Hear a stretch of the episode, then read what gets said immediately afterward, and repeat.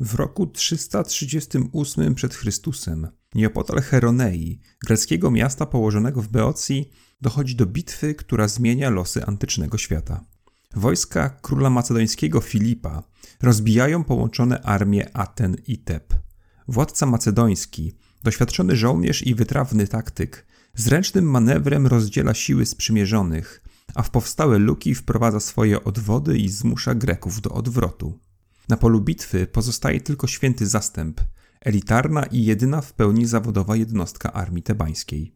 Co ciekawe, ten liczący 300 żołnierzy oddział tworzą mężczyźni i młodzieńcy, których łączą związki homoseksualne. Ciężką jazdą, która walczy z zastępem, dowodzi 18-letni syn Filipa, Aleksander, który do historii przejdzie jako Aleksander Macedoński, zdobywca perskiego imperium. Dzień dobry Państwu. Nazywam się Jakub Buźniak i witam wszystkich tych, którzy chcą wraz ze mną przyjrzeć się z bliska duchowi naszych czasów. W podcaście Zeitgeist chciałbym mówić o ideach i to nie o jakichś tam zwykłych ideach, ale o tych, które wprawiają w ruch społeczną, polityczną i ekonomiczną maszynerię naszego świata. O tych, które meblują nasze światopoglądy, które sprawiają, że walczymy, oczekujemy i łudzimy się. Tę audycję chciałbym poświęcić stoicyzmowi, czyli popularnemu w naszych czasach prądowi filozoficznemu o antycznym rodowodzie. Dlaczego więc wspominam o jakiejś starożytnej bitwie, którą stoczono dawno temu i nie wiadomo w zasadzie po co? Otóż dlatego, że ta bitwa głęboko zmieniła Grecję i jej filozofię, przyczyniając się do narodzin m.in. stoicyzmu. W jej wyniku Hellada utraciła swoje suwerenne państwa miasta, czyli fundament dla jej życia politycznego. Dla każdego Greka jego polis stanowiło przede wszystkim horyzont moralny. To tam kształtowały się normy, które porządkowały jego życie, które nadawały temu życiu spoistość i stabilność. Grek był przede wszystkim obywatelem, który, jeśli wygnać go z miasta, stawał się, cytując szekspirowską tragedię Coriolan, a kind of nothing, czyli nicością. Teraz, gdy stary świat legł w gruzach, w pewnym sensie wszyscy Grecy stali się wygnańcami. Wyrok historii uczynił z nich poddanych najpierw Macedończyków, później zaś Rzymian. Często musieli służyć nie swojej sprawie, walczyć z nieswoimi wrogami w imię narzuconych im idei. Konsekwencją tego była dezorientacja i egzystencjalny lęk oraz pewna awersja do polityki, która dla niektórych filozofów stała się nawet synonimem destrukcyjnej namiętności oraz źródłem niepotrzebnych duchowych niepokojów.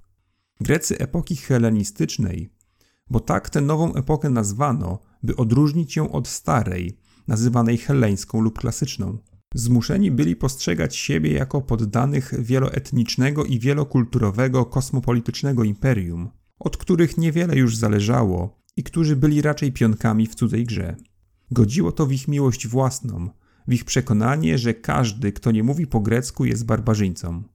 Mieszkańcy Hellady, wyrwani z oswojonego i bezpiecznego świata swoich małych ojczyzn, zaczynają też postrzegać siebie jako samoistne jednostki, które w osamotnieniu muszą stawić czoła dziejowej nawałnicy. Kosmopolityzm i indywidualizm to dwie strony tej samej monety. Giovanni Reale, historyk filozofii, zauważa, że każdy liczy się nie jako członek państwa, w którym się urodził i powinien uczestniczyć w jego majątnościach, wielkości i losach, lecz znaczy tyle, ile znaczy jego umysł, wewnętrzne uposażenie jego ducha. Człowiek wydaje się już wszystkim, jedynym twórcą swojej wartości i swojego losu, panem samego siebie. To mógłby być opis także i naszych czasów, czyż nie? W tej nowej, niespokojnej epoce powstało wiele filozoficznych szkół. Ich założyciele i przedstawiciele próbowali jakoś zrozumieć nową sytuację i odpowiedzieć na egzystencjalne pytania, które rodziły się w umysłach Greków. Każda z tych szkół głównym przedmiotem swojego zainteresowania uczyniła człowieka oraz jego działanie. Wszystkie odpowiadały więc na wezwanie, które można było przeczytać na murach świątyni Apolla w Delfach. Gnoti se auton, poznaj samego siebie. Nazywa się je zatem szkołami etycznymi. Ich założyciele są charyzmatycznymi nauczycielami, napoły mędrcami, a napoły apostołami. Głoszą dobrą nowinę swojej nauki, która wybawia od cierpienia i lęku, przynosi spokój ducha i szczęście. Przyjrzyjmy się teraz jednej z najbardziej wpływowych helenistycznych szkół, czyli szkole stoickiej. Zakłada ją w Atenach Zenon Skition. Swoją nazwę zawdzięcza ona stoi, czyli wydłużonej i zamkniętej ścianą hali kolumnowej, w której Zenon i jego uczniowie zwykli się spotykać i dyskutować. Gdyby Zenon nauczał dziś, jego i jego uczniów być może nazywano by werandziarzami albo korytarzowcami. Jeśli miałbym w jednym zdaniu określić, czego stoicy pragną, to powiedziałbym, że dążą do autarki. Chcą stać się duchowo samowystarczalni, niezależni i niepodatni na wstrząsy emocjonalne i burze namiętności, obojętnie przyjmując to, co przyniesie Tychę, bogini losu. Ma to uczynić ich ostatecznie wolnymi, niepodatnymi na wyroki fortuny. W myśl ich nauk, nawet pośród wszechświatowej pożogi, należy wzruszyć tylko ramionami i łagodnie się uśmiechając powiedzieć: A cóż ja mogłem na to wszystko poradzić? Celem stoików jest też osiągnięcie pokoju ducha, który nazywają ataraksją. Chcą go osiągnąć poprzez wyzbycie się wszelkich destrukcyjnych namiętności i przez ciągłe przyglądanie się własnemu duchowemu życiu tak, by móc nad nim zapanować i ostatecznie uwolnić się od zaburzających wewnętrzną równowagę afektów. Nazywają to apatią.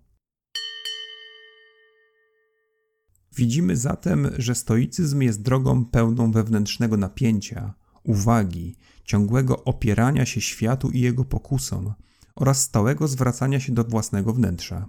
Pamiętajmy, że szkoła ta narodziła się w czasach zamętu i niepewności. Nie powinno więc nas dziwić, że jej adepci odwracają się od zmiennego i nieobliczalnego świata zewnętrznego. Po prostu nie chcą, by zamęt w nim panujący przeniknął do ich umysłów i zachwiał ich wewnętrzną równowagą. Nie sądźmy jednak, że stoicy wzywają nas do zupełnego wycofania się z życia, do wewnętrznej emigracji i do zatrzaśnięcia się we wnętrzu własnej głowy. Nic podobnego. Nakłaniają nas raczej do życia racjonalnego, to znaczy takiego, w którym odróżnia się to, co ważne i warte zachodu, od tego, co błahe i ulotne. Dla stoików ważny jest pokój ducha i to o niego trzeba zabiegać. Cóż nam bowiem po splendorach tego świata, gdy każdy nasz dzień wypełniony jest lękiem utraty i obawą przegranej, a każdej nocy na naszej szyi zaciska się pętla dławiącego strachu.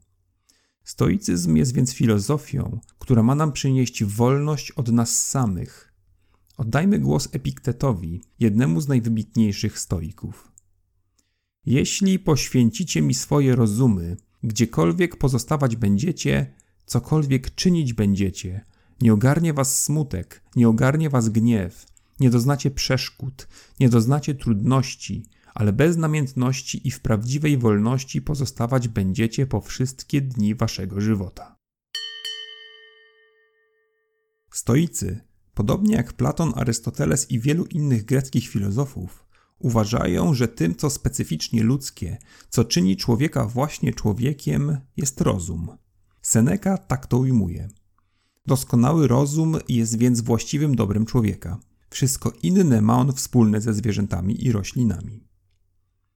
Jeśli więc ktoś chce wieść życie prawdziwie ludzkie, powinien doskonalić to, co prawdziwie ludzkie, czyli rozum. Tym razem zacytuję Cycerona. Jak bowiem gra aktorska albo ruchy tancerza nie mogą być dowolne, lecz muszą mieć ustalony charakter, tak też i życie prowadzić należy nie jakimikolwiek sposobami, lecz pewnym ściśle oznaczonym.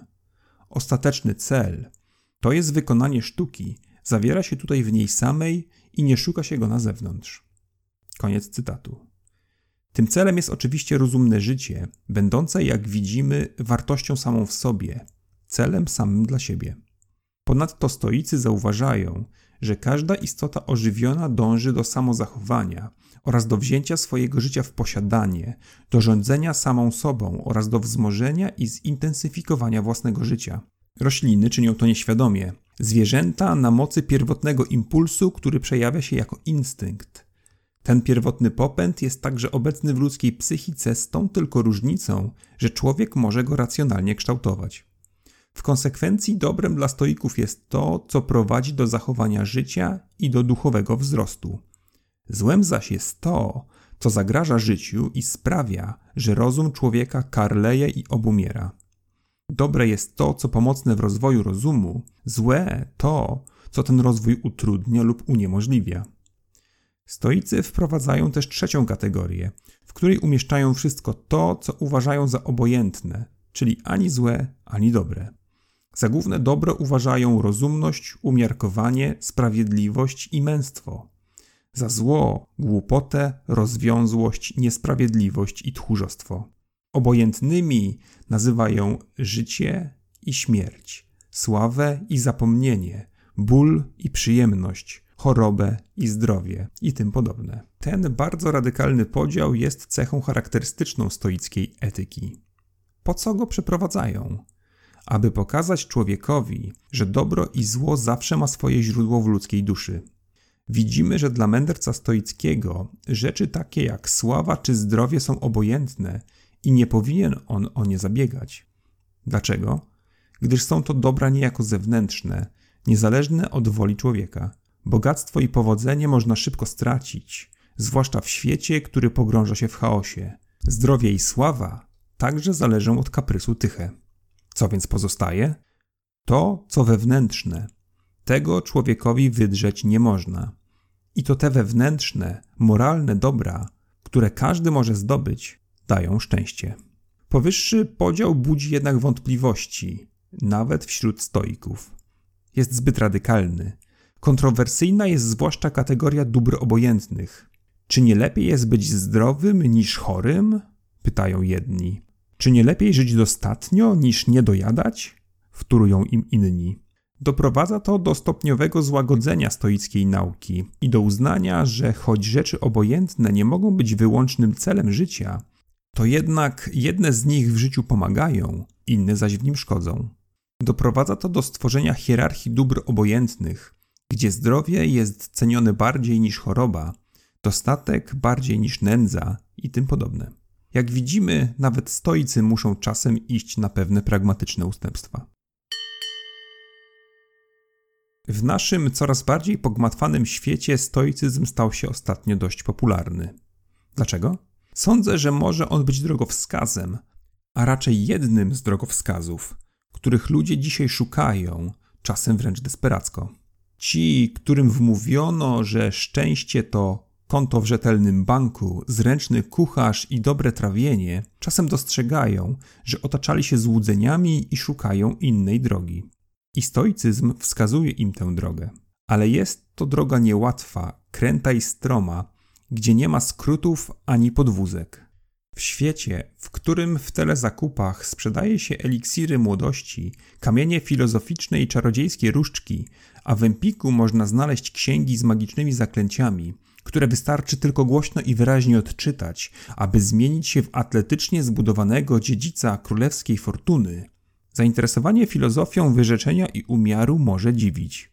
Antyczni filozofowie jak wszyscy zresztą mistrzowie duchowego rozwoju, zdawali sobie sprawę, że zachowanie wewnętrznego spokoju i harmonii wymaga ciągłej walki, ciągłych zmagań ze sobą i ze światem. Platon pisał, że ci, którzy chcą wydostać się z jaskini i zobaczyć światło prawdziwego słońca, muszą wspiąć się po stromej skale, raniąc sobie przy tym dłonie i męcząc ciało. Wszyscy wiemy, jak trudno przeciwstawić się namiętnościom, które nieraz niczym fale przypływu zalewają nasz umysł. Wymaga to dyscypliny oraz wyrobienia sobie określonych nawyków i dyspozycji do pewnych zachowań. Niezbędne są tu zatem duchowe ćwiczenia. Przyjrzyjmy się teraz tym ćwiczeniom, które zalecają stoicy mędrcy. Adepci stoicyzmu powinni, po pierwsze, poprawnie rozumować. Pozwoli im to uniknąć błędów i nie dać się zwieść łgarzom i krętaczom. Kolejnym krokiem jest wyrobienie sobie nawyku intelektualnej wnikliwości, skłonności do analizowania tego, co nas otacza i co się nam przytrafia. Pozwala to właściwie oceniać rzeczy i ich wartość. Posłuchajmy Marka Aureliusza. Konieczne jest odgraniczenie i utworzenie zawsze dokładnego obrazu z danego wrażenia, tak by można je było widzieć takim, jakie ono jest w swojej istocie, widziane w całości i rozdzielone na części, i by można było uprzytomnić sobie jego właściwe imię i imiona tych rzeczy, z których jest złożone, tudzież tych, na które się rozłoży. Nic bowiem nie daje takiej wnikliwości ducha, jak zdolność wniknięcia w każde zdarzenie w życiu w sposób odpowiedni i istotny. Marek Aureliusz poucza więc nas, adeptów stoickiej sztuki, że tylko taka postawa analitycznego dystansu pozwoli odróżnić to, co powinno być dla nas obojętne, od tego, o co powinniśmy stale zabiegać. Kolejnym duchowym ćwiczeniem jest premeditatio malorum, a więc antycypowanie przyszłych i niepomyślnych wydarzeń. Tym razem zagadnienie przybliży nam Seneka. Niech umysł nasz gotuje się do przeciwności właśnie w czasie zupełnie wolnym od trosk i niech uodparnia się na ciosy zmiennej fortuny w okresie, kiedy doznaje dobrodziejstw. Żołnierz odbywa ćwiczenia wojskowe podczas pokoju, nie mając przed sobą żadnego nieprzyjaciela, buduje umocnienia i wyczerpuje się pracą na razie niepotrzebną, by móc kiedyś podołać potrzebnej. Musimy więc ćwiczyć naszą wyobraźnię, oceniając, jak powinniśmy się zachować w niepomyślnych czasach. Nam, wytrwałym uczniom, pozostało już tylko jedno ćwiczenie, najtrudniejsze. Ćwiczenie w umieraniu. Ujmując sprawę lapidarnie, należy żyć tak, jakby każdy dzień miałby być ostatnim. Posłuchajmy już po raz ostatni Marka Aureliusza. Jest rzeczą człowieka myślącego nie zachowywać się wobec śmierci ani obojętnie, ani odpychająco, ani lekceważąco, lecz czekać na nią spokojnie, jako na jeden z objawów natury. Kiedyś usłyszałem gdzieś, że stoicyzm to najtrudniejsza ze szkół, gdyż nie pozwala ona ani kochać, ani nienawidzić. To jest chyba nieprawdą. Niemniej droga wskazana przez Epikteta, Senekę, Marka Aureliusza i innych wymaga stałego wysiłku i ciągłego zaangażowania. Jak zresztą chyba wszystko, co wartościowe. Dziękuję Ci za wysłuchanie odcinka podcastu Zeitgeist. Cieszę się, że duch naszych czasów nie stępił jeszcze Twojej intelektualnej ciekawości. Chciałbym też zaprosić Cię na kolejną audycję i życzyć Ci by świat nigdy nie przestał cię dziwić.